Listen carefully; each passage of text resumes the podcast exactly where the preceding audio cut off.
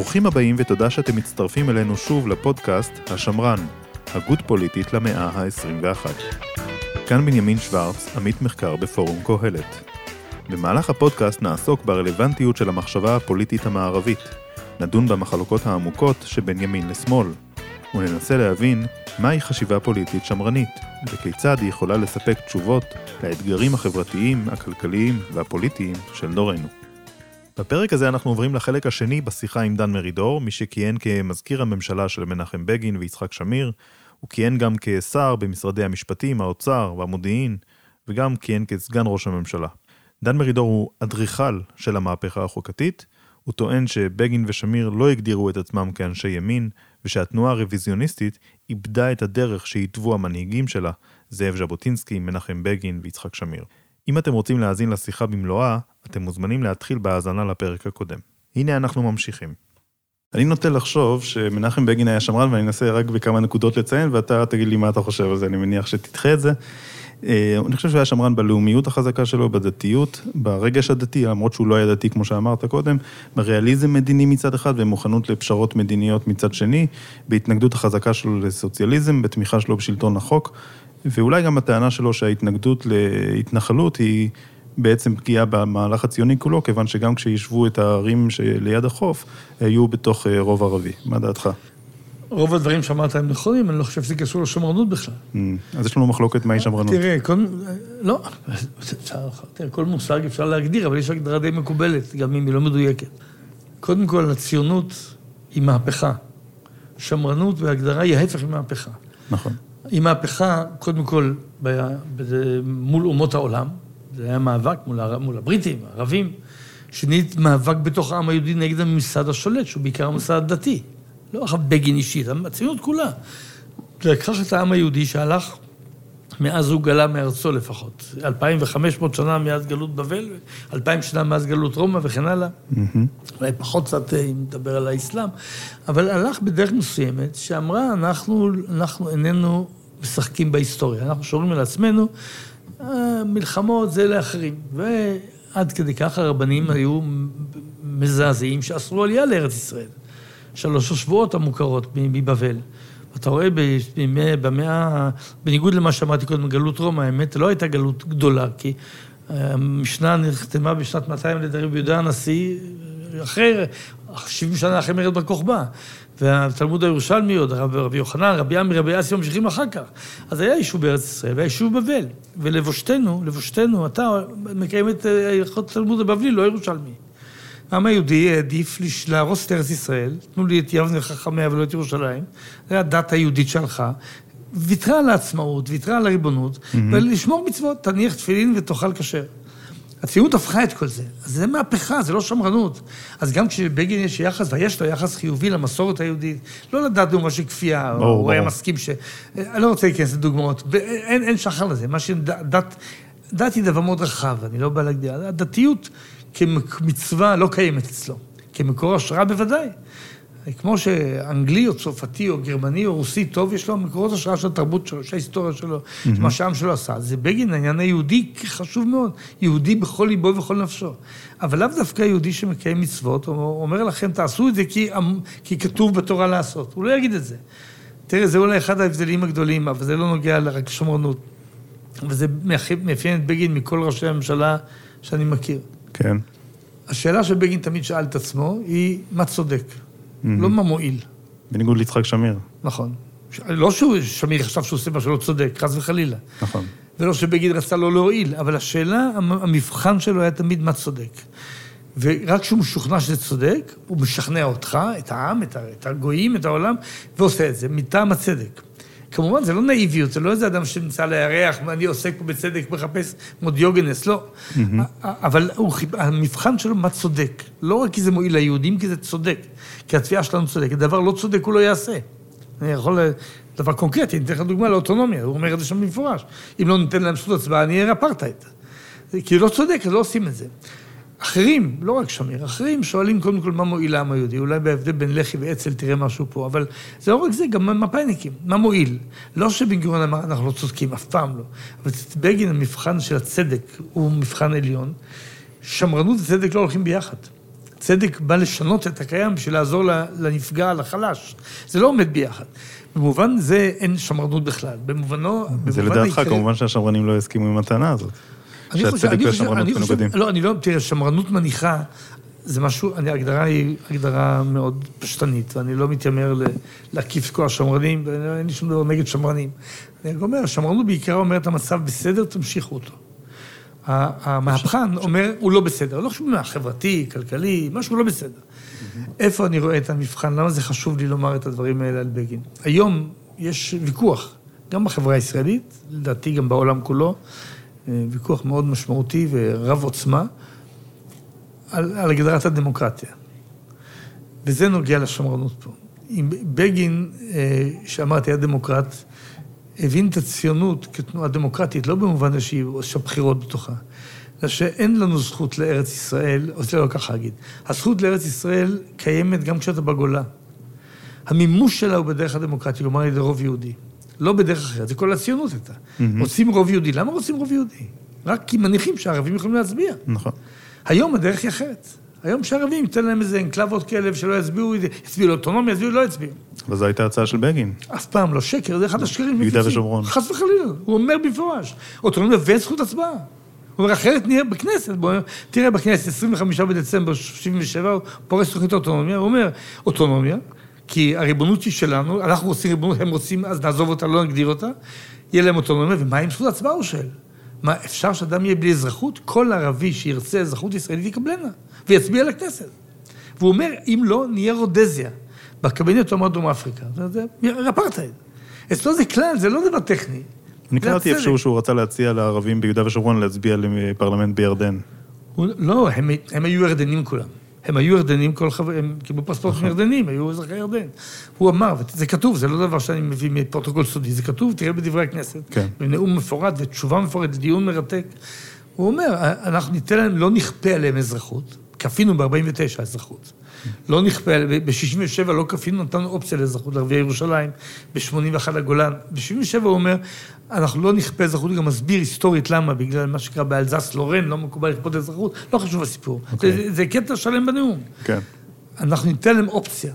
כל מי שירצה יהיה אזרח ישראלי, אחרת הוא אומר, לא, לא נרצה להיות רודזיה, מאשימים אותנו ברודזיאניות, הוא אומר. Mm-hmm. כלומר, גזענות. לא, זה לא כן. לא אנחנו. ואז הוא אומר, יהיו אנשים שיקחו את זה, יהיו שלא ייקחו. מי שלא ייקח יישאר ירדני, מי שיהיה ישראלי יצביע לכנסת, מי שיהיה ירדני יצביע לפרלמנט הירדני, הוא מציע שם הצעה שישראל וירדן יקמו ביניהם, זה מין, הוא לא אומר את המילים האלה, קונדומיניום או, או שיתוף פעולה, שהירדנים אה, ישלחו נציג לאוטונומיה, ישלח נציג לממשלת ירדן, נציג לממשלת ישראל, והחקיקה תיעשה בהסכמה ישראלית-ירדנית, mm. כי אנשים מצביעים לירדן וישראל, אין אנשים בלי הצבעה. ההצעות היום, שקד, בנט, סמוטריץ' וחלק מהליכוד, זה הצעות אחרות שהם לא יצביעו תמיד, זה איכשהו ניתן להם להצביע לעירייה או לאוטונומיה, אבל אנחנו נצביע שנצביע. זה, זה, לא, זה הפוך מהציונות. זה לא ציונות. אז בגין במובן זה, למה אני אומר את זה? כי תראה, הערכים, הדמוקרטיה, ש... התפתחה כנגד משטרי עריצות, של מלך, של אפיפיור שממנה מלך, של אצילים, של כוח צבאי. אמרה לו, הריבונות איננה בידי האל ואיננה בידי העם, היא בידי האנשים. והאנשים הם הריבונים, והם בוחרים להם את הנציגים, וזה הדמוקרטיה. כל האנשים זכאים לבחור, והם בוחרים את הנציגים, זה מאתונה כביכול, למרות ששם רק בודדים בחרו, זה לא היה דמוקרטיה, אבל הדמוקרטיה כן. מודרנית. לא הייתה זכות הצבעה לנשים ועבדים, כן, שהם היו רוב האוכלוסייה. נשים ועבדים לא היה גם באמריקה בהתחלה, אבל לינקולן. הדמוקרטיה אומרת, תן לעם לבחור. מה זה העם? האזרחים, מה שהאמריקאים קוראים ל-consent of the governed. אתה לא יכול לשלוט באנשים בלי שהם מסכימים עקרונית לעניין הזה. אז כולם בוחרים. כולם, זאת אומרת, לא, אתה לא אומר לחלק, אתם לא בוחרים, אתם, אתם שחורים, או אתם נשים, או אתם ערבים, או אתם יהודים. אבל זה מביא אותך לשאלה הבאה, למה הקול של כולם, למה סופרים את הקולות? כי ההנחה היא שכל קול שווה, אין קול שווה יותר, חכם לא שווה יותר מהטיפש. המלך הפילוסוף של אפלטון לא מקובל, בדמוקרטיה, למרות שאולי mm-hmm. זה יותר יעיל, זה לא דמוקרטי. כן. זאת אומרת, כולם זה כאילו להשתתף, מזה אומר בגין, לא יכול לשלוט בשטח הזה בלי לתת להם אפשרות להצביע, זה, זה לא דמוקרטי. Mm-hmm. אבל זה לא מספיק. מה יקרה, וזה לאור הניסיון הגרמני של מלחמת העולם השנייה, זה עלה במובהק אצל, אצל בגין, אצל היהודים. דמוקרטיה איננה רק שלטון הרוב, בשום אופן לא. דמוקרטיה היא מה אסור לרוב לעשות. זה אולי הדוגמה, הריבונות מאז מלחמת העולם השנייה צומצמה. הפתיחה של המהלך הזה, משפטי נירנברג. היהודים כמובן מאוד שמחו על זה. שאתה אומר להם, שפטו אנשים ותלו אותם על זה שהם עברו על חוקים שלא היו חוקים שלהם, והם לא קבעו אותם. אומרים, יש מעליכם חוק כלל אנושי, חוק אלוהי, חוק, חוק מעל המדינה, המדינה היא לא הכל. האדם יותר חשוב. זכויות האדם קודמות למדינה כשזה מגיע לקצה. עכשיו, איך מגיעים, אם, אם דמוקרטיה בגינית, או דמוקרטיה בעיניי בכלל, ליברלית, פירושה שהרוב לא יכול לעשות כל מה שהוא רוצה. נניח, הרוב לא יכול להגיד, הג'ינג'ים לא יצביעו, או אסור לבקר את הממשלה, או אין חופש ביטוי. אז מי ישמור על זה? אם תיתן לרוב לשמור על זה, אז ברור שאתה נותן לחתול לשמור על השמנת. לכן ברוב המדינות, כמעט בכולם, הדמוקרטיות באמת, יש מוסדות שהם מגבילים את הרוב. אז דבר אחד יסודי זה חוקה. Mm-hmm. שהיא לא פותרת פילוסופית, גם חוקה, אפשר לקבוע בחוקה שכל היהודים מותר להרוג, כמו בגרמניה. אבל להנחה יש שני שליש, בדרך כלל לא יהיו לו דברים מטורפים. ואם כן, אגב, תכף אצטט לך משפט בגיני קלאסי, מה צריך לעשות. אבל בינתיים, אם אין חוקה, או כשיש חוקי יסוד, בגין דרש חוקה לישראל. כל הזמן, חוקי יסוד, והוא כתב, יש נאום, אתה לא תצטט אותו, בטח הוא לא מתאים פה. לא, לא, הנה, יש לי דברים. שהוא אומר, אני רוצה ששופטים של בית המשפט העליון יוכלו לבטל חוקי כנסת. נכון, זה בעליונות, זה עיקרון עליונות המשפט אצל בגין. כן, הביטוי שלו הוא לא שלטון החוק, עליונות המשפט. עליונות המשפט. וזה לא רק עניין טכני, זה המוסד היחיד שלא צריך להיענות לרוב, לא לרצות את דובשו ולא לפחד מעוקצו. הוא מגן על הערכים היסודיים שלי ושלך, שלא יעשו אותנו ברחוב, כי לא אנחנו לא חן בעיני השלטונות, לא יקרו את הרכוש שלנו. יש לו איזון. זה בדיוק העניין. ובגין שמר והגן על בית המשפט העליון, שלא היה, זה בכלל לא היה עניין פוליטי. בית משפט, אגב, לא כמו היום, אז הוא היה אקטיבי, בניגוד לתיאוריית מני מאוטנר חברי. בית המשפט האמיתי שהיה אקטיבי זה היה אז, לא היום.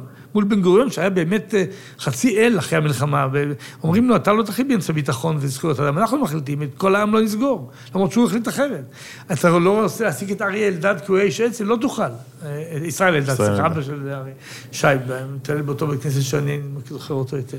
אה, לא, אתה לא תוכל. בית משפט, אז חמישה אנשים, שמונו בכך, בצורה חצי ככה כמו שמונו, עמדו כן. מול הממשלה ויצרו דמוקרטיה פה.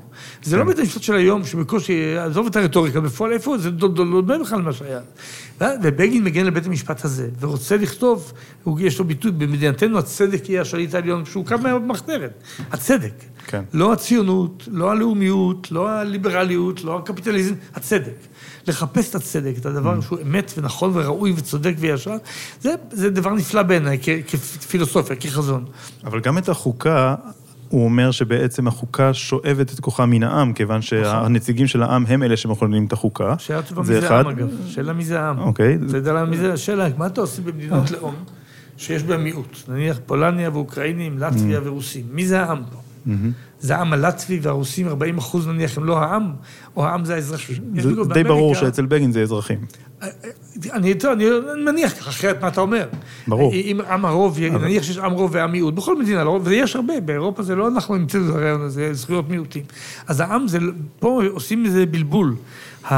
אומרים, קרקעות הלאום, מי זה הלאום הזה? מה זה? זה נשאר ככה עמום. אבל אם העם באמת זה האזרחים, ואם כל אחד יכול להיות אזרח, אתה לא מונע מאנשים להיות אזרחים. Mm-hmm. אז באמת, העם צריך לתת את ההסכמה היסודית לשלטון, הוא בוחר שלטון, הוא בוחר את השלטון, הוא בוחר את המחוקקים, הוא mm-hmm. יכול להחליף אותם, כן. כל זה נכון, אבל הכוח שלו לא בלתי מוגבל, כי בסוף, נחזור לז'בוטינסקי, אם מותר לי, בראשית ברא אלוהים את היחיד, ז'בוטינסקי, כן. לא את העם. העם בא, לש... המדינה באה לשרת יחידים, לא mm-hmm. יחיד בא לשרת את העם. זו תפיסה ליברלית מובהקת, ז'בוטינסקי אומר, אני ליברל, וכמעט אומרת, הרגוני, הרוג או משהו כזה, אני לא אעזור כלום, אני אשאר ליברל נגד, ומתי הוא אומר את בשנות ה-30, כשהנאצים כבר בשלטון, אני מאמין באדם, צ'רניחובסקי והאמינה גם באדם. האדם, המדינות לא קיימות אלא בשביל אנשים, אנשים לא חיים למדינה, לחברה כלום, החברה חייבת להם. תפיסה ליברלית מובהקת של שני האנשים האלה, כל אחד שונה בדרכו, כן. ולכן לקרוא להם שמרנים, בהקשר הזה זה מטעה מאוד. כי התפיסה שלהם בדיוק הפוכה מזה. אני שנייה רוצה לחזור לעניין הזה של החוקה אצל בגין, כי בגין, א', לא רואה את החוקה כ... ולא רואה את בית המשפט כ... כפועל אך ורק מתוך איזושהי תפיסה רציונלית נאורה, אלא הוא כן רואה אותה כצומחת מתוך העם. ויש ביטוי למשל לרעיון שהוא מעלה, אה, לאפשר אפילו למשאל עם שיוזם אותו העם ועוצר תהליך של הכנסת. כן, כן, אה, הוא מדבר על זה. אז. החוקה, לחלוטין נובעת מרצון העם, ושתיים, מה שבעצם הוא רצה שהחוקה אה, תתמודד מולו, זה הדברים שהוא ראה מול העיניים, שזה הדברים שהוא ראה בהם כדיכוי של מפא"י. אם זה למשל אה, החופש הבסיסי לייצוג בפרלמנט, החופש של המיעוט, חופש במשלח יד, מקום מגורים, מקום? עבודה. מי זה המיעוט? המיעוט זה מי שנמצא באופוזיציה. מי או- שמיוצג באופוזיציה, או מי או- שאתה לא נותן לו להיות מיוצג או באופוזיציה. ערביי ישראל. בהחלט. לכן הוא נלחם, אתה אומר, הוא ראה, יכול להיות, מה שאתה אומר זה כנראה נכון, אבל הוא ראה, למשל הוא נלחם נגד הממשל הצבאי. מהמם. הוא עשה, איך היום אומרים, נתניהו היה שם ברית בין הערבים לבין בגין לבטל את הממשל הצבאי. אה, אתה הולך עם הערבים, כמו שהיום זה נהוג לומר, כן? הוא הלך איתם ביחד לבטל את הממשל הצבאי, כי הוא אמר זה לא צודק.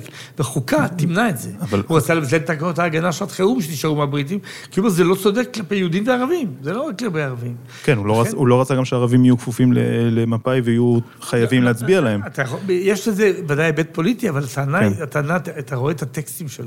אבל הוא לא- הטענה היא עמוקה, היא לא טענה רק פוליטית. ברור, אבל, הוא. אבל זה שבגין אומר שהוא בעד חוקה, למשל גם אה, חבר הכנסת מיכאל איתן, שהיה לי זכות לעבוד איתו, היה בעד חוקה. עבדתם ביחד בעד חוקה, למרות שהיה לכם גישות שונות לחלוטין לגבי מה ש... מיקי, אה, מיקי, ואני אני מאוד אוהב את מיקי, והרבה חבר, קצת קשה לו, אבל היינו ביחסים מאוד קרובים הרבה שנים. כן. בנושא שאני הסכמתי אותו בכל נושא, פרט לנושאים שהוא טעה בהם. אני אומר, אבל בגין לא יכול... הוא אגב היחידי, צריך להגיד זכותו, ש... שהבין, כמובן, לאן אנחנו הולכים בחקיקת חוקי היסוד, והתנגד לזה מהטעם הזה. כל האחרים הבינו ולא התנגדו, היום הם קופצים, אבל לא התנגדו, לא הרב עזרן ולא הרב רביץ, כל מי שאנחנו, כולם ידעו את זה, ויש לי מכתבים מחנן פורת איך לעשות את החוקה, כמו שאני אומר. אבל נעזוב את מיקי איתן, זה לא נושא...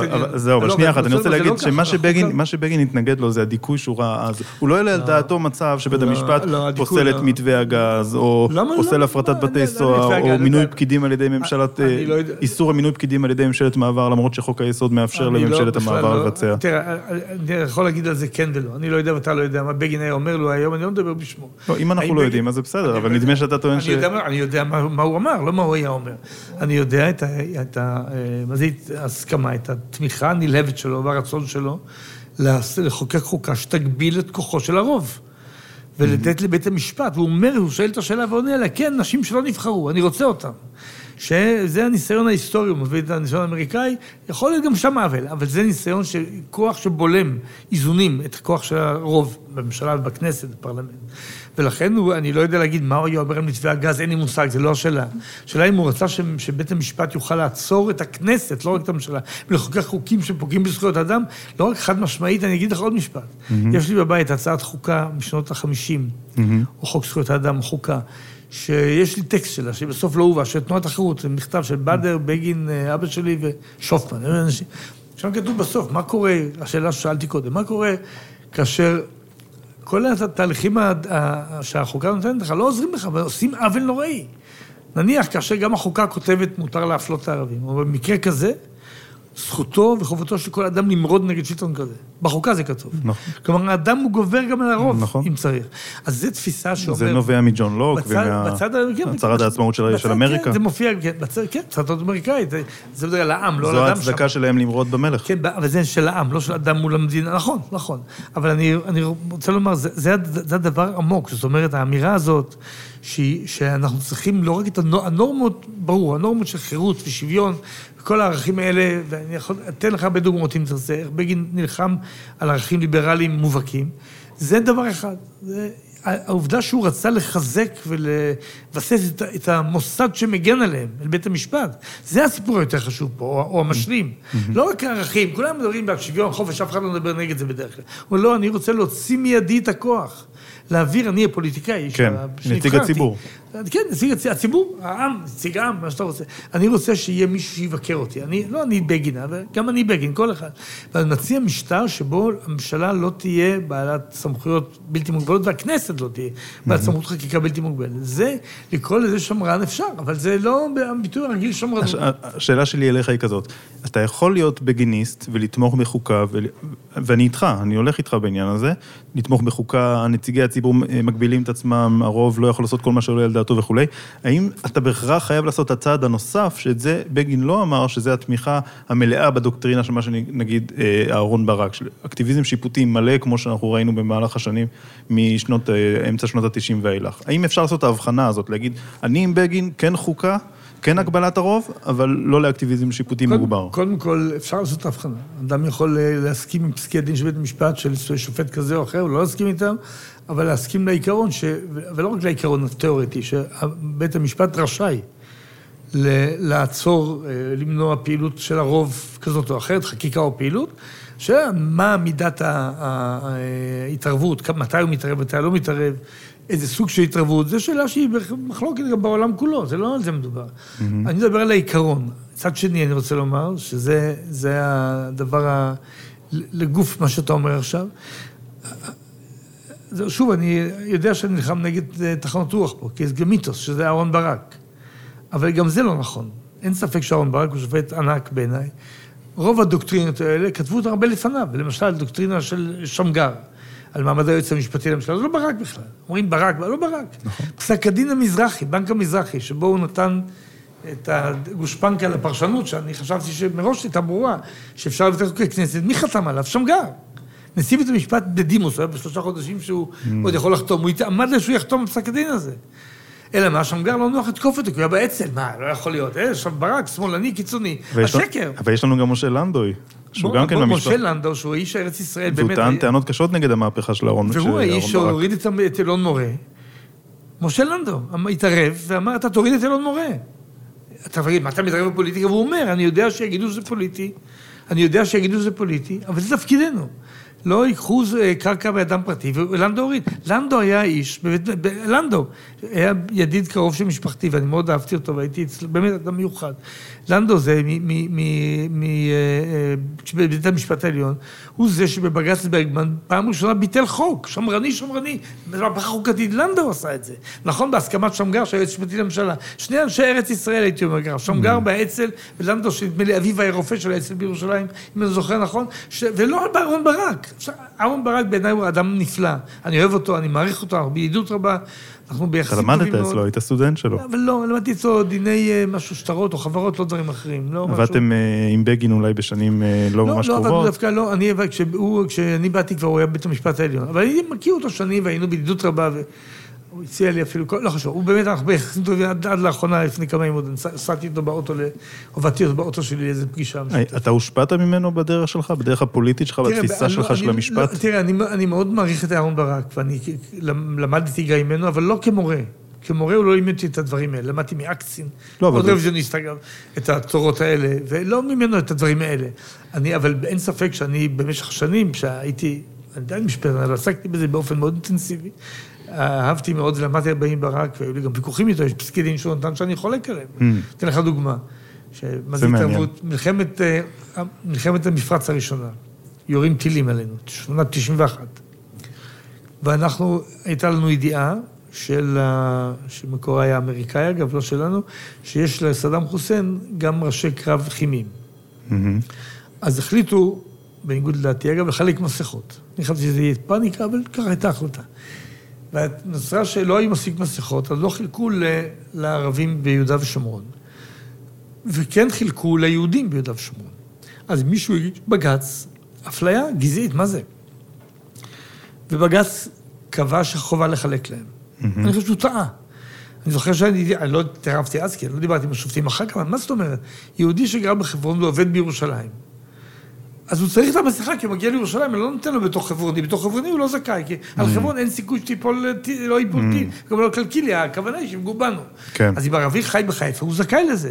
גם אם הוא חי בחברון, הוא לא עובד בירושלים. רוב תושבי חברון או מעלה אדומים עובדים בירושלים. Mm-hmm. אז זה לא היה, לא הייתה אפליה. אז בג"ץ טעה לפי דעתי. יש עוד פסקי דין שהם טעו.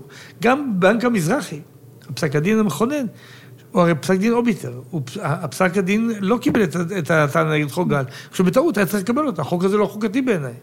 אבל יש לי מחלוקות לא פעם אחת, זה לגיטימי להיות במחלוקות. אבל המחלוקת, המחלוקת אה, היא לא על המחלוקת. המחלוקת היא הרבה יותר עמוקה מזה. הרעיון הזה, הערכים האלה אינם מקובלים. הערכים של השוויון, אני אומר משפט חריף, הערכים של השוויון ושל חירויות מאוד עמוקות של האדם, היום אינם מקובלים על חלק מהציבור, בעיקר בחלק פוליטי מסוים. בציבור הדתי ברור, בחלקו, שזה לא ערכים, ש... שביהדות אין ערך כזה אה, שכל בני אדם שווים, גם הלא יהודי. יש את הדיבורים... למה, יש בצלם אלוהים ברא את האדם? זה, יש, יש, נגיד ככה, ביהדות יש הכל. פעם בזה, אני מאוד אוהב את העולם היהודי, ואני נגיד מכיר אותו לא רע, חי אותו וקורא אותו. בזה, בסימפוזיון באמריקה לפני כמה שנים, השתמשתי בנושאים האלה של יחסים, יחס לזרים. ואהבתם את הגר וכן הלאה וכן הלאה, ולא תונו את הגר, וחוקה אחת לגר האזרח, השתמשתי בזה הרבה. ענה לי פילוסוף אחד, יהודי, ויזלטיר. בא אליי אחרי זה, הוא אומר, דן, תשמע, אל תשתמש בזה. כי כל פסוק שתביא, אני אביא לך פסוק הפוך. ולכן זה מסוכן. אמרתי, אתה צודק, אבל הם עושים את זה, גם אני אעשה. אבל זה נכון, לכן אני נזהר מלהגיד לא יהודי, כן יהודי. אבל אני חושב שיש בה, יש בה, בתפיסה היהודית, זה, זה נושא אחר. כשיהודים היו בגולה באלפיים שנה, והיו באמת מדוכאים, לפעמים נרמסים, לפעמים נהרגים, לפעמים סתם נסבלים. Mm-hmm. בארצות ערב או באירופה, לא חושב איפה. אז לא נורא שהעם מפתח לו תחושה של אה, פיצוי. אני, אתה בחרת לנו מכל העמים, והגוי שקופ, וכל מיני... כשאתה בעל כוח ואתה אומר את זה, הופך לגזענות מזעזעת. ויש נשים שלא הפנימו את העניין הזה, ממשיכים לדבר על הזכות שהיהודי הערבי הוא לא עזב, תן לו, הוא ערבי, לא מעניין, לא בן אדם. אני שומע את זה. אז אני לכן, אני אומר, הערכים האלה, מי שרוצה למשל להמשיך לשלוט בכל שטח ארץ ישראל, מחשבה לגיטימית, אבל לא כמו בגין, תוך מתן אזרחות, אלא בטריקים שלא יהיה אזרחות, לא יכול לחיות עם עקרון השוויון. Mm-hmm. עכשיו, איזה גוף יחיד בארץ יש לו כוח לכפות את עקרון השוויון? רק בית המשפט. התקפה על בית המשפט, התקפה בראש ובראשונה לעקרון השוויון. מי שלא רוצה למשל יחס שווה לגיי וסטרייט. מאיזה, מאיזה, מאיפה זה כתוב שצריך להיות? לא כתוב, רק עקרון השוויון. מי יכול לעשות? בית המשפט. מי שלא רוצה יחס שווה לנשים וגברים. בית הדין, גברים, אישה מעידה, לא יכול לחיות עם עקרון השוויון. ובית המשפט הוא הגוף הכי חזק שעקרון השוויון הוא חלק מהקוד הגנטי שלו. ולכן בית המשפט תחת מתקפה, מי שאומר כמו אדון סמוטריץ', שאשתו לא תשב, לא תגור ב... לא תחלוק חדר, לא תלד בבית חולים עם ילדת ערבייה. אם היו אומרים את זה ליהודי, הייתי הופך את העולם, אני גם ככה אהפוך את העולם. זה גזענות נוראה. אז מי, ש... מי שלא יכול לחיות עם עקרון השוויון, בגלל השקפתו הפוליטית או דתית, לא, לא, לא טוב לבית המשפט העליון. איך אמר פעם אריה דרעי? יהודי חכם, למרות שהיה גם עבריין ועשה מה שעשה. כשחוקקנו את חוקי זכויות, סעדם שדרעי היה בתוך העניין, שעשית בפנים, הרב עזרן. הוא אמר לי פעם, אני חושב שהוא אמר בפומבי את זה, גם את עשרת הדיברות, אני לא רוצה, כי בית המשפט יפרש אותם. נכון, הוא מפרש אותם בצורה רחוקה ממה שהתכוון המחוקק. בסדר, אגב, מי שכתב את אה, ש"ס, הם כולם התייעצו עם עורכי דין כשעשיתי את זה, mm. את החוק שלי, שממנו נגזר אחר כך, נכון. כל הזמן אותו. אז יש, יש, הם פנו לוויינרוט, ש"ס פנו לוויינרוט, וויינרוט כתב אה, נייר, אה, הביא לי את זה, הם שלחו לי את זה, מעולה, כמו שוויינרוט ידע לכתוב, הפוך מהציונות לגמרי, לא ציוני, כי הוא לא היה ציוני, אבל באופן חד משמעי, יפה, מסודר, למה אסור לעשות את זה? בטעמים, נקרא דתיים אה, כאלה, דתיים במובן הלא ציוני. אגודת ישראל, הלכו לעורך דין אה, אה, בחיפה, נו, נפתלי ליפשיץ, יהודי חרדי מאגודת ישראל, שהיה סלומון ליפשיץ, היה משרד ידוע בחיפה. והוא בא אליי ואמר, אני סומך רק על גוף אחד בישראל שיגן על החרדים, על בית המשפט העליון. נציג אגודה אמר לי אז. אבל היום בקרב החרדים יש תמיכה אפס לבית המשפט העליון. היום הייתה השתנה העולם. לא, אולי בית המשפט העליון שינה את דרכו. נכון, הוא הרבה פחות אקטיבי, הוא הפסיק להיות אקטיבי, כבר 20 שנה האחרונות הוא לא עושה כלום, הוא מדבר, לא? מה הוא עושה? הוא היה אז אקטיבי, כשהוא השר אה, התיר לפתוח בשבת, וזה היה אז, לא היום. עזוב את הרטוריקה ואת מה שאומרים על זה. אני לא מקבל את התפיסה okay. אוקיי. הזאת. אבל לא חשוב, אני רק אומר, זה יש לך גם מפד"ל. תראה, יש לי מכתב, לא הבאתי לך, אני אראה לך אותו. חנן פורט כותב לי, תוך כדי הדיון, כשגמרנו כן. כבר כמעט הכל, בסוף 89, 90, תחילת 90. Mm-hmm. כמעט הכל היה מוסכם, החוק השלם שלי, לא מה שיצא בסוף. ומפד"ל היה לו, אה, שקי וזבולון המר היו שרי המפד"ל. ואני באתי לישיבה עם נשיאת המפד"ל, כי אמרתי, יש רוב, היה לי מאה חברי כנסת שתמכו בזה. Mm-hmm. בניגוד לכל השקרים שמפיזים בר אילן וסביבותיה, מאה חברי כנסת תמכו בזה. כל זה, ממשלת אחדות לאומית, אף אחד לא התנגד לזה. המפד"ל, היה לה הערות, יש לי מכתב מזבולון, שהם רוצים לחוקק יחד איתי את זה. אבל בלי ש"ס, זה הוסיף לי שם, בלי ש"ס, לא חשוב, זה פוליטיקה. אלא מה, הם רצו פה, שם, תיקון, שם, תיקונים, להוסיף את שם אלוהים, שם, כל מיני דברים שזה בסדר, לגיטימי, הם לא היו נגד זה. ואז אה, אני הולך לסיעת המפד"ל, ואמרתי, אני לא רוצה להעביר את זה בלי המפד"ל. כי זה בכל אופן, זה, זה היו 12 חברי כנסת מנהל המפד"ל, לא, לא בגלל קולות, היה להם מספיק קולות. לא מנדטי עם שמיר, מוכן להתמודד נגד המפד"ל, אני חושב שזה לא הייתה בעיה, ממשלת אחדות לאומית, לא ידענו שפרס יפרק אותה אחרי כמה זמן זה, אפשר להעביר את זה, הייתה הסכמה מאוד רחבה. אולי כי לא כולם הבינו את המשמעות של זה? לא, אני חושב שכולם הבינו, הסכימו. נראה לך את ישיבת הממשלה, יש לי פרוטוקול, לא פה, בבית. של ישיבת הממשלה, כולם מברכים אותי, גד יעקבי מוציא, יוסיף את זה, שחל מוציא את זה, על מערך בליכוד, מיקי לא היה בממשלה, לו היה, אז הוא היה אולי מתנגד, אולי, אני לא בטוח, כי אולי לדבר אחד, לדרך, אני הצעתי שם שלא כל בית משפט יוכל לבטל, רק משפט עליון בהרכב מיוחד, אבל כתוב במפורש, הסמכות ה-judicial review כתובה במפורש, בצורה מסודרת. כי מיקי איתן טען שזה אוסורפציה, זה ממש נכון, לקחת בכוח את הכוח של הכנסת ולהביא אותו לבית המשפט העליון. אני מניח שלו מיקי היה בממשלה, לו היה בא לכנסת, הוא היה מתנגד, אני לא בטוח מה הוא הצביע בסוף אגב, בהצעות, אני לא בטוח. אבל, אבל היה, אתה יודע, אם היו 100 חברי כנסת בקואליציה, אז נגיד 95 היו בעד. זה לא היה בכלל בעיה. באופוזיציה היו ערבים, לא, לא התנגדו לזה. לא הייתה גם מדינה יהודית שם, אגב, זה עוד היה בלי מדינה יהודית, מדינה דמוקרטית. אמרתי שמדינה יהודית צריך בפרמבל החוקה, או בחוק העם היהודי, ולא בחוקי זכויות אדם, זה לא נכון לכתוב. לא חשוב, זה סיפור אחר. ואז הלכתי לסיעת המפד"ל, יש לי מקרה קטע, אני זוכר שהם התפללו אה, מנחה. הגיע השעה חמש. אמרו, אתה רוצה סידור? אמרתי, אני לא צריך, אני יכול בעל פה. אמרתי, אתה יכול לבוא לי קצת תיבה? אמרתי, אני יכול, אבל לא... לא אני לא, אני מכיר את העולם הזה, הייתי הרבה שנים בכנסת, אני לא דתי, אבל זה סיפור נפרד. הייתי מאוד בקשר טוב איתם, ודיברתי איתם, והם היו. קרובים, שק, היו לו כל מיני רעיונות. זה לא היה מצב אה, שעושים פה מחטף. בסוף, כשפרס, בתחכומו, הפיל את הממשלה. במרץ 90, התרגיל המסריח, כמו שרבין כינה אותו, כינה אותו ככה אחרי שהוא נכשל, אגב, קודם הוא לא אמר את זה, אבל לא אז התחיל מרוץ בין שמיר לפרס, מי ירכיב ממשלה, והחרדים באו, והדתיים, או חרדים, באו לשמיר ולפרס, ביקשו התחייבות, שלא נקדם את זה. ושמיר נתן התחייבות, וגם פרס נתן התחייבות. ואז רק אמרנו רובינשטיין, בתרגילים שהוא עשה, בהסכמתי, העברנו את זה בחלקית ולא מלא. אבל לא הייתה, זה עבר, מה ש... קומי או טרגי בעניין הזה, כשאתה תבוא לכנסת, אני לא יכול לשחזר את זה, כי לא היו צילומים, אני זוכר את זה. יש 120 חברי כנסת, שעה מאוחרת בלילה, מי נמצא בו, לא מעניין אותם בכלל. זה לא כי התנגדו, הרי התנגדו רק איזה 20 איש מתוך, נגיד, מתוך 120, או 18, אני לא זוכר את המספר המדויק, כמה הצביעו נגד, זה 30 וכמה, 20 וכמה, זה, כי אף אחד לא התעניין, לא הלכו בכלל. לא למה לא התעניינו? לא, בגלל שלא הבינו את החשיבות של זה? לא מבין, כי זה, בוא, אני לא רוצה לדבר על הכנסת, זה לא מעניין אותם. מי בוחר אותם בגלל זה? לא יודע. דיברנו על זה, יש מאמרים על זה, יש נאומים שלי על זה, יש בהארץ, כותבים מאמר נגד זה, כי אני יותר מדי מוותר לדתיים, כי אמרתי שלא ניגע בסטטוס קוו, ולמה אני לא נוגע בשוויון נשים ושולה אלוני, כל מיני דברים. היה דיון ציבורי על זה, יש לי כל החומר אצלי. אחר כך כותב גדעון ספיר הפוך, אבל זה מה שהיה, זאת האמת, מה אני יכול לעשות? אלא מה, פרס קלקל את זה, אז זה עבר בצורה כן. אה, מודרגת. אגב, אחר כך, אחרי בג"ץ מתרעל על, על הבשר, על היבוא בשר לא, לא כשר. תיקון, תיקון חופש העיסוק. תיקון, אז עשו את התיקון בעקבות הבג"ץ שבה אמר, נדמה לי, טהור, מישהו, שנוכל גם חוק לבטל, אז עשו את התיקון. אבל mm-hmm. בתיקון הזה, ישבתי עם יצחק לוי, mm-hmm. גם כן לא איש חילוני בדיוק. ממפד"ל, ישבנו, היינו ידידים מאוד טובים בוועדת חוקה, הייתי אז באופוזיציה. כן. והוספנו את כל הסעיף הראשון שאני כתבתי אז, שזכויות האדם של ישראל מקורם בזה, וכל מה שכתוב שם, וברור כבר שבית משפט יכול לבטל חוקים, ו-80 חברי, 78 חברי כנסת הצביעו בעד זה. אף אחד לא חשב נגד, היום אומרים, זורפציה, מישהו, זה רוב קטן, הרוב הגדול הבינו את זה וקיבלו את זה. זה אנומליה שהמדינה היחידה בעולם שבית משפט לא יכול לבטל חוקים, זה בישראל. אוקיי. טוב, נעזוב את זה, אוקיי. אפשר שנייה לצורך סיום, לקראת סיום כן. השיחה, להתחיל לדבר על דן מרידור? לא לדבר על ליברליות ושמרנות. תראה, אני רוצה להגיד לך משהו, לא עליי, אני פחות חשוב. אני כן יכול להגיד... אתה בכל זאת דמות אה, מרכזית במשך הרבה שנים. אני נגיד גאה בזה בהחלט. מה אני מצטער ומה אני גאה בנושא הזה? אני מצטער על כך שכשיכולתי להעביר את, ה, את החוק זכויות האדם וחוק אה, יסוד החקיקה במלואו, זכויות האדם זה העיקר, החקיקה הגשנו ודווקא הממשלה אימצה אותו. אה, אני רציתי הסכמה מאוד רחבה, ולא רציתי ללכת בכוח, רציתי להביא גם את המפד"ל פנימה. יצחק שמיר הבין את המשמעות של הדבר הזה? אה, תראה, אני... אני כי הוא לא נראה לי גדול הפרוגרסיביים. אני אגיד משפט מצחיק, ראש הממשלה האחרון שהקשיב לי באמת היה יצחק שמיר.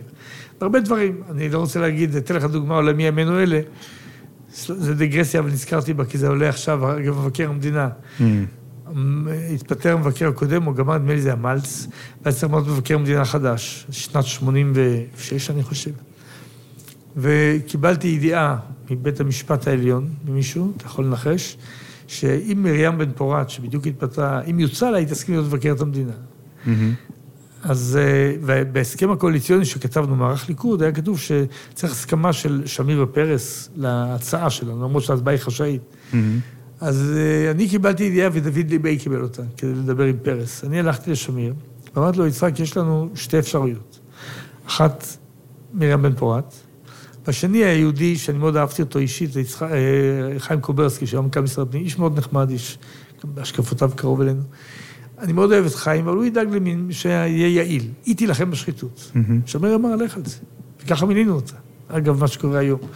אז, אה, זה, אז שמיר, הוא לא היה משפטן כמו בגין, והוא לא נתן למשפט מקום כל כך מרכזי בחייו, שזה mm-hmm. לחיות לפי המשפט, המשפט הוא, הוא מקיף את הכול. אולי הוא חשב שמדובר בקישוט בסך הכל בספר החוקים? לא, אבל לא, הוא שמיר הבין, שמיר היה חכם, הוא לא היה משפטן, הוא היה חכם, הוא הבין בדיוק מה, זה היה כל דבר בממשלה. Mm-hmm. וזה. לא, אז אני אומר, אז יכולנו להביא, אז מה אני מצטער? אני מצטער בדיעבד שלא הלכתי יותר בתקיפות, יכול להיות שהיינו מעבירים את, ה, את ההצעה השלמה שהיא יותר נכונה.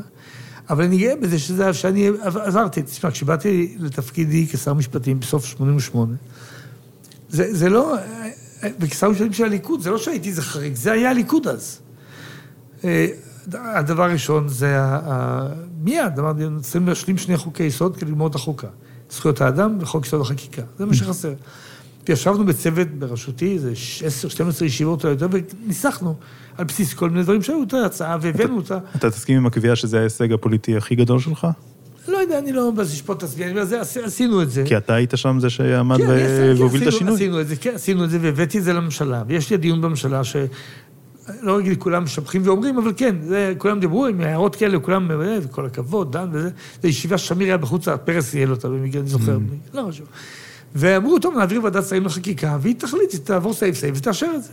וישבנו 17 ישיבות ועדת שרים לחקיקה, וכמעט גמרנו את הכל, נשארו עוד כמה נושאים, אבל כמעט הכל. היו כמה מחלוקת, ואני, זה נמשך, זה התחיל מאפריל, נדמה לי, עד, עד נובמבר או משהו דצמבר. Mm-hmm. והישיבה שלי עם עבדה זה בערך נובמבר-דצמבר, אני חושב. Mm-hmm. ואני נמשך, אז אני, לא, זה דבר אחד שעשיתי, בסוף אמרתי, פרס קלקל לי, העברנו את זה עם אמנון רובינשטיין. במקביל, היו שש או חמש אמנות זכויות אדם, שישראל לא אישרה מעולם, mm. הבאתי, אישרו את כולם. זכויות פוליטיות, זכויות כלכליות, חברתיות, נגד חטיפות ילדים, נגד עינויים, הכל אישרנו. במקביל, זה הכל באותו מהלך של גישה ליברלית לאומית, לאומית mm. ליברלית. ואני זוכר עד היום, אחד הדברים הראשונים שעשיתי היה להיאבק עם השב"כ. זה היה ב-87' הוגש דוח לנדר, שהתברר באוקטובר. התברר שהשב"כ עינה ורימה שנים, ולנדר גלוי. אמרתי, זה תפקידי, אף אחד לא עשה את זה לפניי כשר משפטים, גם לא אחריי. אבל, אבל הש, השב"כ עשה גם כן את פרשת קו 300 בזמן שהיית מזכיר לא, ממשלה, לא, ואחר כך היית שר. בעקבות זה היה דוח לנדאו. בעקבות זה, בעקבות פרשת 300, היה דוח לנדאו. ויצחק שמיר החליף את היועץ המשפטי לממשלה?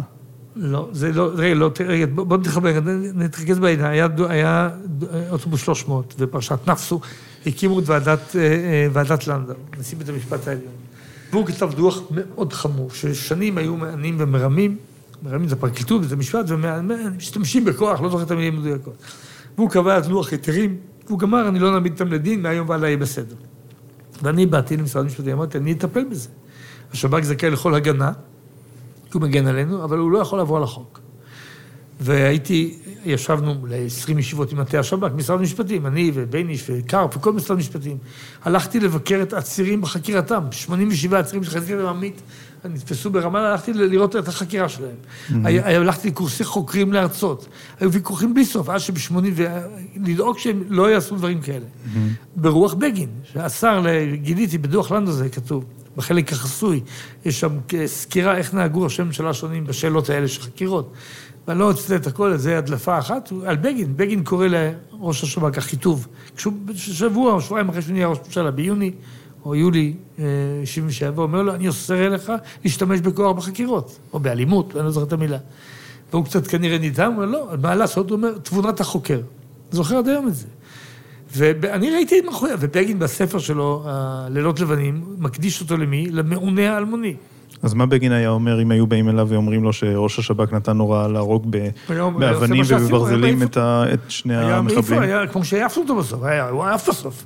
זה סיפור שמוכן לספר לך אותו בנפרד, איך זה קרה, הייתי מאוד מעורב בזה, אבל זה לא, זה היה סיפור. מה שאני טועה זה האם אתה, דן מרידור של היום, היה קורה הדבר הזה, אם היית חבר כנסת, לא היית פורש מהליכוד בגלל דבר לא כזה. פורש, זה לא הליכוד עשה, שמיר הוא האיש שהעיפו אותם.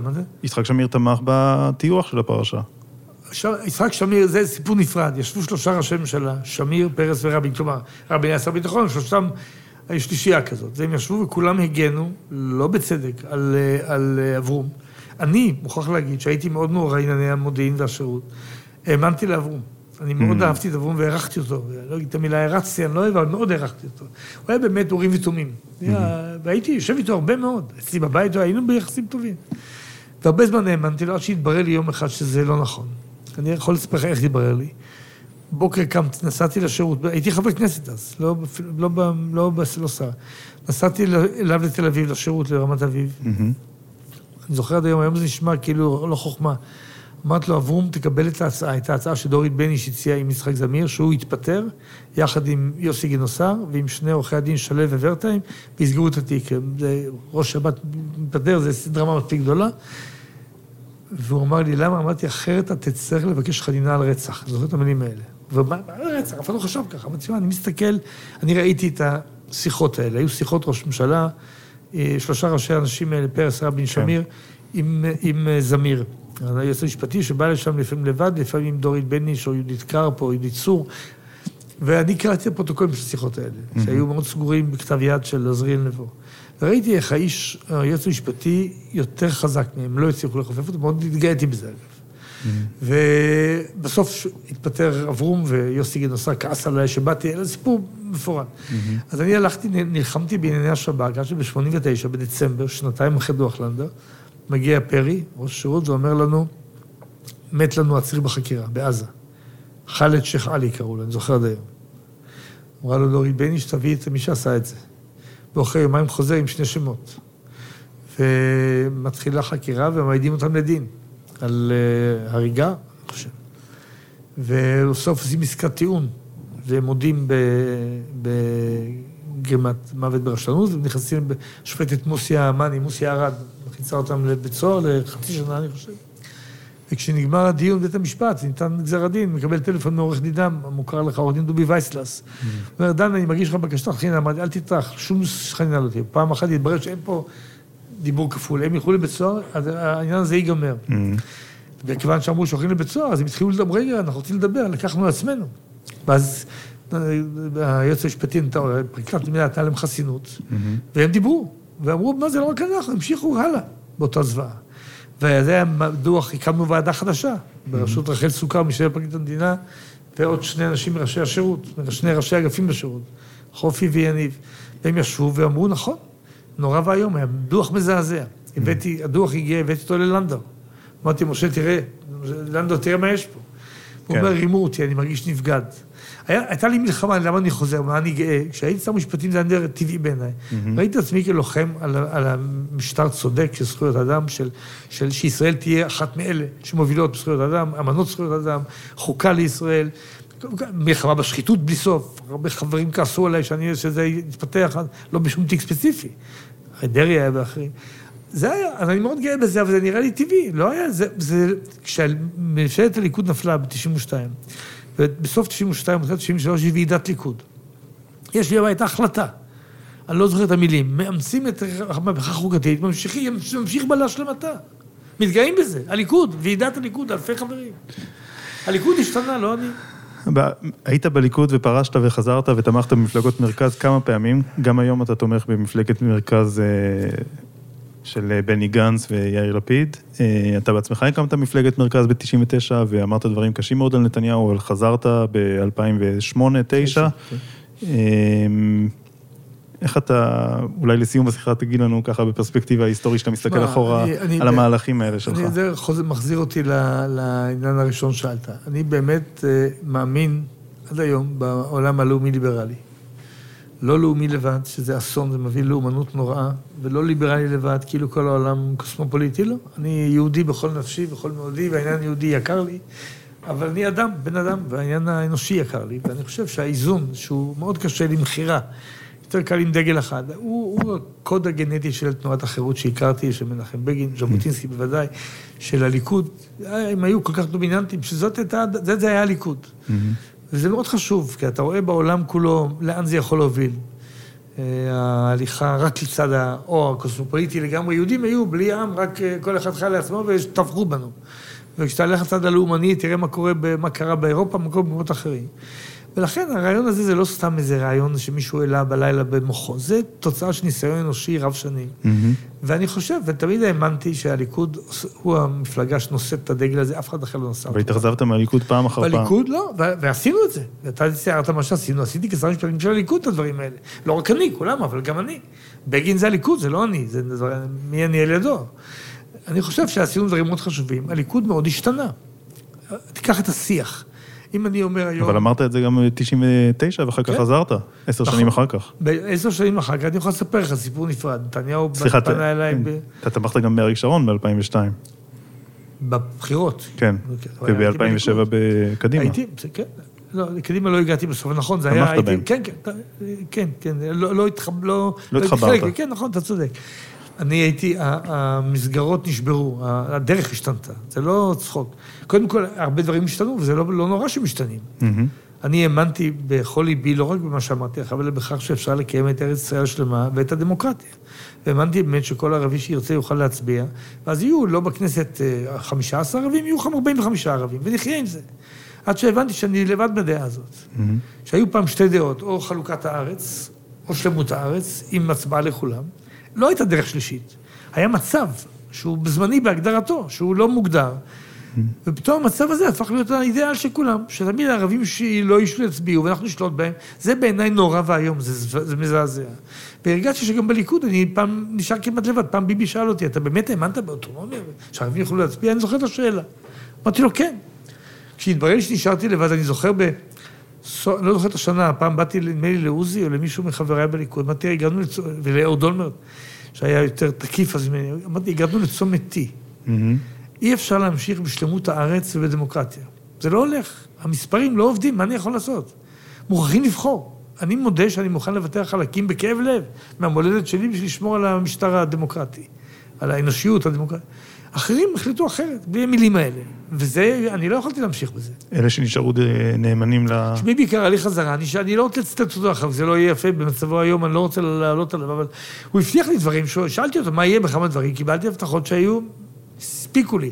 בהיבטים גם של שלום וגם של דברים אחרים.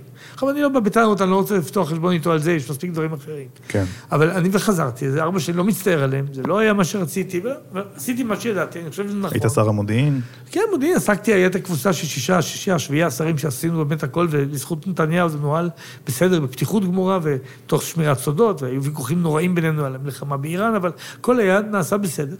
אבל ביבי החליט בסוף התקופה הזאת שהוא הולך להתחבר עם ליברמן. זאת אומרת, הוא שינה את האסטרטגיה הפוליטית בצורה שלא כולם הבינו אותה. Mm-hmm. אתה רואה את זה בכל העולם, הוא מהראשונים. פעם האסטרטגיה לנצח הייתה ללכת לאמצע. אתה שמרן או ליברל, נגיד באמריקה, אתה הולך לאמצע להביא את הרוב. זה התהפך. כמו טוני בלר, הדרך השלישית. טוני בלר, פעם היה טוני בלר, היום זה קורבין. פעם היה, אה, אני יודע, קלינטון, היום זה ברני סנדרס. פעם הלכו לאמצע. גם עד... היום הולכים לקצוות. היום הולכים לבייס, לקצוות. Mm-hmm. ביבי, כשהוא הלך עם ליברמן, הוא אמר לי, תשמע, אנחנו הולך עם ליברמן. אמרתי, מה זה ליברמן? אני הפוך מליברמן. מה, הוא רוצה לוותר חלקים יותר ממרץ בתוך ישראל, שיקחו את הערבים רק. מה זה, איזה יחס לערבים, איך אפשר לדבר ככה? לא, ואני בטעות, זו טעות שעשיתי, שאמרתי, אני עוזב באותו, רציתי לעזוב. הוא אמר, חכה, בוא נדבר. באתי אליו פעם, פעמיים ונשארתי בטעות. ואז אחר כך הייתה... זה מה שגרם לכך שבפריימריז לא נבחרת? זה לא, לא נבחרתי, בבחירות כבר לא נבחרתי. הוא רצה גם, אני לא יודע, אני לא רוצה להאשים אותו, אני אחראי למה שאני עשיתי, אבל הוא רצה אז ליכוד שמי שיותר ימני מנצח. ולכן מי שמקלל את הערבים ואת בית המשפט ואת השמאלנים, זה מנצח. אבל אני, אין לי מקום במקום כזה. גם הדמות שלי לא, לא טובה להם שם. הם רוצים להתווכח עם בנט או עם ליברמן, מי יותר מגדף את המוסדות שהזכרתי. אז ודאי שאני לא מתאים שם.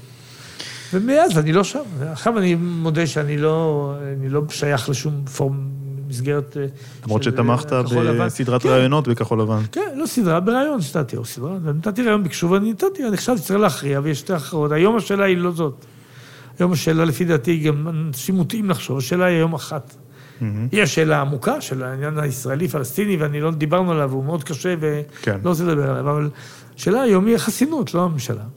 אם באמת יהיה מצב שבו ההאשמות האלה, שהיועץ המשפטי אה, עומד להעמיד לדין עליהם בכפוף לשימוע שוחד, אם זה יישאר בלי בירור, זה בעיניי שבר שאין נורא ממנו.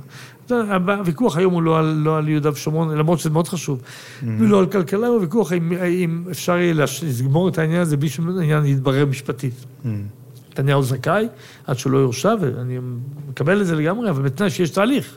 כן. אם מחפשים דרך טריק כזה או אחר, חוק או הצבעה כזאת או אחרת, והתגברות שבית משפט לא יוכל לבטל, כדי שאף פעם לא נדע אם באמת היה שם שוחד או לא, זה בעיניי שבר נוראי, אבל זה הוויכוח. האם יהיו לו 61 שיסכימו להציל אותו מה- מה- אה, מהמערכת המשפטית והדרך הנורמלית. זה, זה הוויכוח היום.